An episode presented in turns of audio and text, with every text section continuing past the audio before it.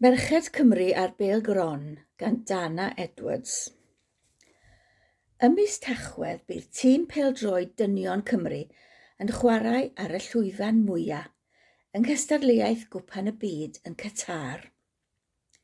Os ydy Abbey Hall yn llygad ei lle, pryn fydd y menywod fydd yn cefnogi'r tîm cenedlaethol yno. Fe gyhoeddodd hi glip o'r gêm yn erbyn Awstria fus mawrth gan ddweud, Where are the women fans? O ganlyniad, postiodd nifer fawr o ferched luniau ohonynt yn y stadiwm, aelodau brwd o'r wal goch. Mae'n amserol felly edrych ar bob agwedd o ymwneud, merched a phêl-droed yng Nghymru. Mae llwyddiant mewn nifer o feisydd, a chwaraeon yn arbennig fallai yn deillio o'r hyn sy'n digwydd ar lawr gwlad. Mae Cymdeithas Bêl-droed Cymru wedi gosod nod i ddyblu'r nifer o ferched sy'n chwarae erbyn 2026 i 20,000. Mae hyn yn wahanol iawn i'r diffyg cyfleoedd fi ar fel cynt i gystadlaethau o ferched fel y dywed llunos Young o Aberystwyth erbyn hyn, ond a fagwyd yng Nghwm Twrch yn y 60au. Un sy'n un o gefnogwyr brwd y gêm.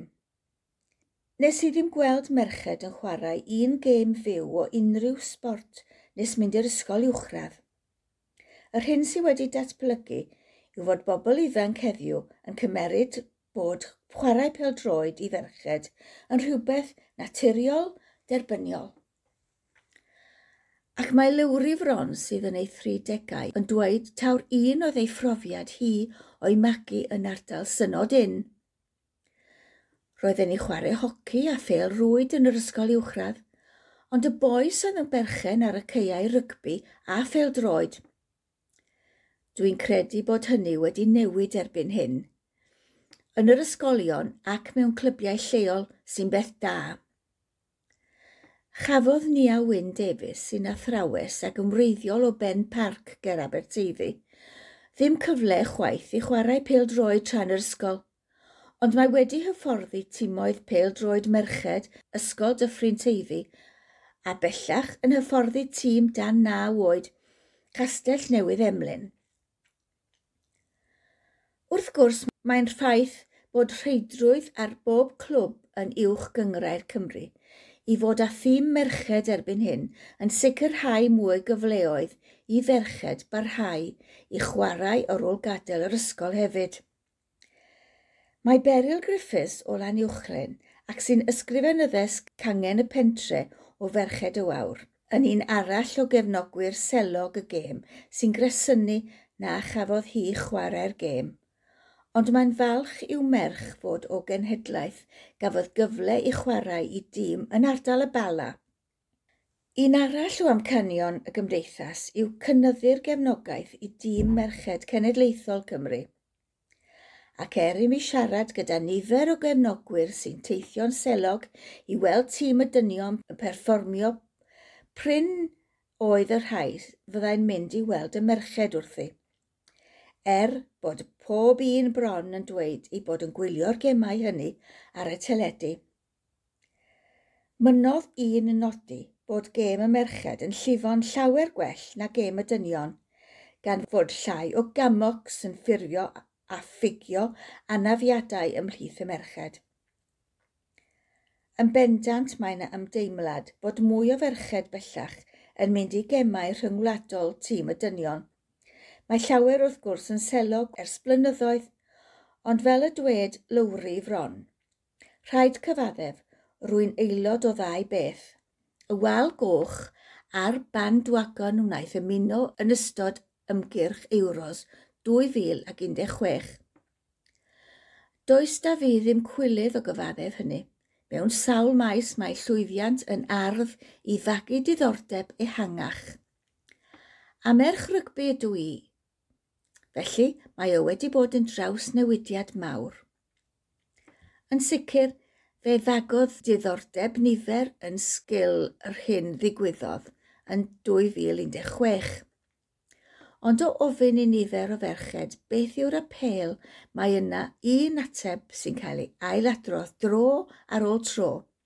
Y cyffro, yr ymdeimlad, o berthyn, y gwladgarwch, cyffro hwyl, canu a wyrgylch. Dyna'r pethau sy'n denu, meddai Nia Owens o Garnarfon.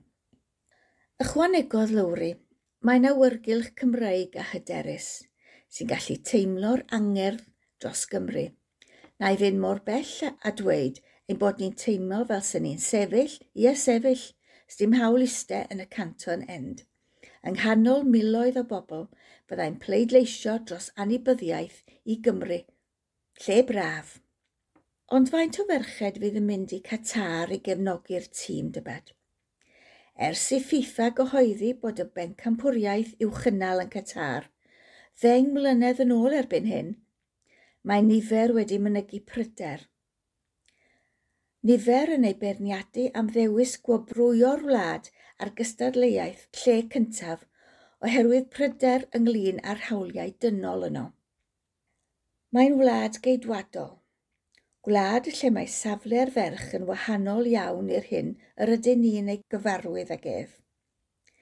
Mae gofyn i fenywod gael caniatad ei gwarcheidwad, gwrywaidd, boed hwnnw'n dad neu frawd neu berthynas arall i wneud pob math o bethau gan gynnwys priodi, teithio dramor, yn gymeryd a rhai swyddi, ac wrth gwrs Mae'n anodd ysgaru yno.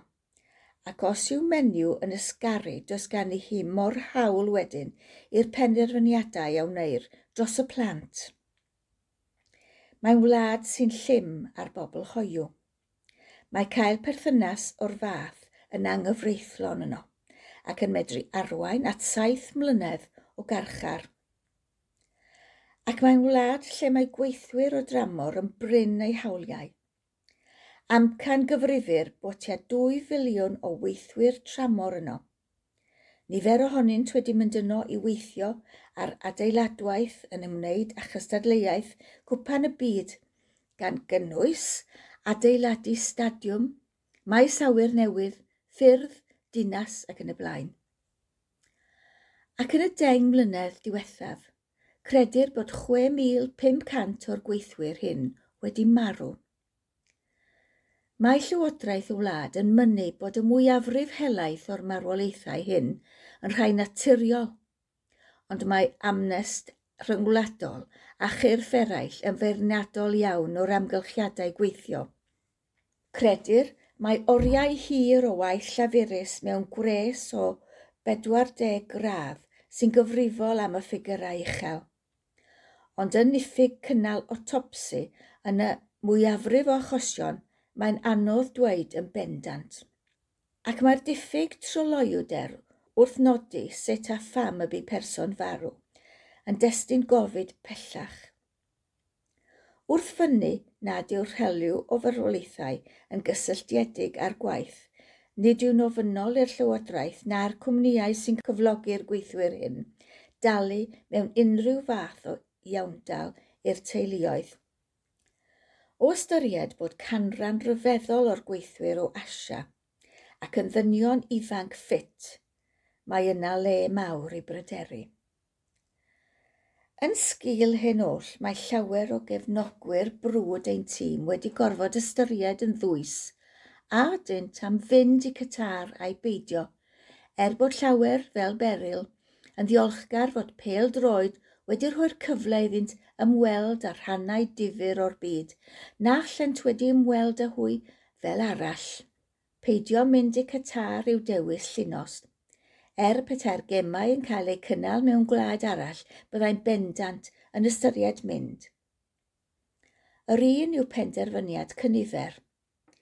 Mae eraill, fel lwri yn dal i ystyried.